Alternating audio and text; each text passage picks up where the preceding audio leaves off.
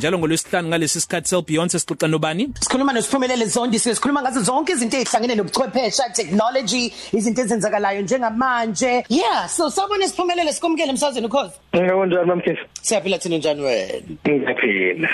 Nondaba besisayikhuluma lento makusaqala isonto nomunye engazana naye. Sikhuluma ngokuthi ave kumnandi ukubona abantu bekhuluma ngazwi linye uma kukhona izinto eh, eseyicika abantu noma ezingekho zinhle abantu abasuke becindezelwa ngazo. Singayibala nje leka George Floyd nokwenzakele ikakhulukazi ku social media. Laba bakwazile ukuthi bahambe beyobhikisha laba bhikishe khona. Ngibonile nje imarch yase Amsterdam neyase Paris nezinto ezinkulu ezahlukahlukene ukuthi ave kumnandi kumnandi ukubona bonke abantu bengena ngisho nosaziwayo bethi ayime lento ayiphele mm. kodwa umbuzo uthi bangaki ikakhulukazi ku social media abangena benomthwalo ngempela abangena nogqozi nofuqufuqu oluyilona lona nolizohamba ibanga lonke kuze kugcine sekutholakala isisombululo kuleyo nto. Mhlawumbe abanye nje bangena ngoba kuyistyle angazi. Uthini wena? Mm.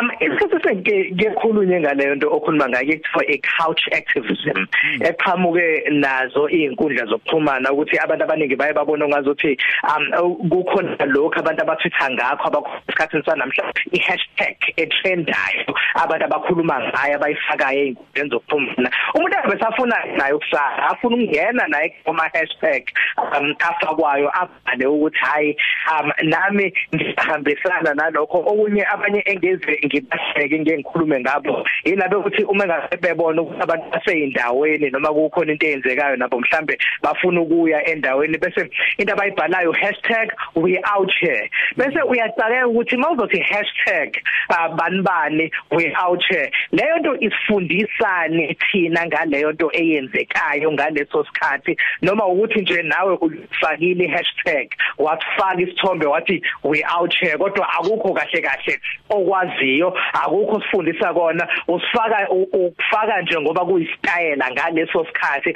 ngoba abantu bezoncoma ukuthi hayi nawe uyifakile hashtag ngo 2010 sawubona umthelela ka Facebook no Twitter ekakhulukazi ekutheni ulekelele uyayikhumbula lezi yazinto kwavele kwama eCairo edolobheni laseCairo abantu bethi eh, bafuna aphume umongameli wangaleso sikhathi yes. Hosni Mubarak.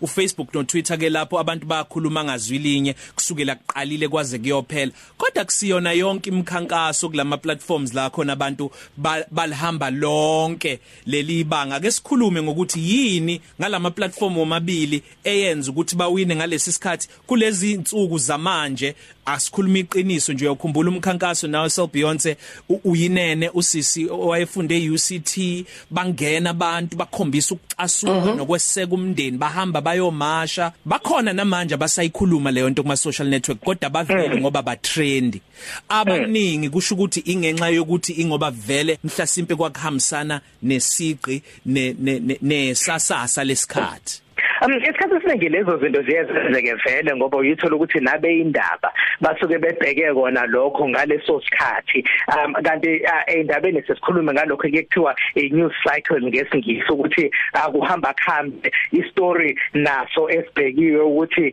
um lehle isasasa noma kungabi lutho okusho kuvelayo kuqhutshekwe kuye kwezinye izinto. Um kanti ke nabantu baye bahambe ngaba kubone indabeni isikhathi esiningi. Hayi isikhathi esiningi ngoba kukho befuna ukwenza ushintsho ngempela. Uke kakhulu waphatha ezaseGibhithe. eGibhithe um, ngawo 2011 kuze kwehla umongameli uHosni Mubarak esikhundleni owayesebuse iminyaka eyayicishe ifike um kwe-30 um, amashumi amathathu khona lapha eGibhithe. Ukuthi abantu abantu bakhona babe into ababeyenza babehlangana khona ku Twitter ku na ku Facebook ku organize ama meetings kuphunywe kuyiwe emgaqweni.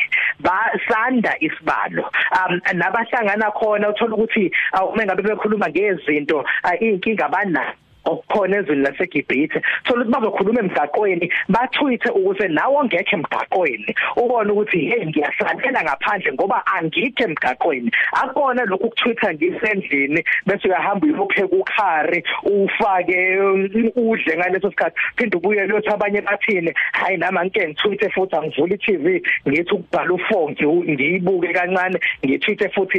Into eyenza ukuthi kube noshinto ngoba abantu abahlali phansi bathwithe nje kuphela bayaphuma kube khona abakwenzayo nalana ke kuya um kuyasemelika iBlack Lives Matter sekukhona abashilo ukuthi nakho ongasiza ngakho ngaphandle kokuthi uthwithe nje kuphela mm. ukuthi ufundise ufundise nabanye uphume emakhona imikhankaso yangakini ube organizer wangakini ngoba bake baba khona abashoyo um, khona la eNingizimu Afrika ukuthi akuzona izinkinga zasemelika kuphela izinkinga zakhona nala ekhaya. Ikona nje ukuthi imelika nathi iziveza okungahambi kahle la ekhaya. Kodwa ke abanye abafundisi lokho bagcina ngokwasemelika nje bathi hayi kwenzeke emelika so twitha ngokwasemelika sihlale kusofa bethu. So Beyonce ubona ukuthi sivalelise khona kodwa safuna ukukunezezela nombuzo? Oh no i'm good you right. Kulungileke sinikeze imininingwane yakho eh, nondaba sikuthole nakumabona kude Okay, i ungangithola Twitter, ku Twitter ngu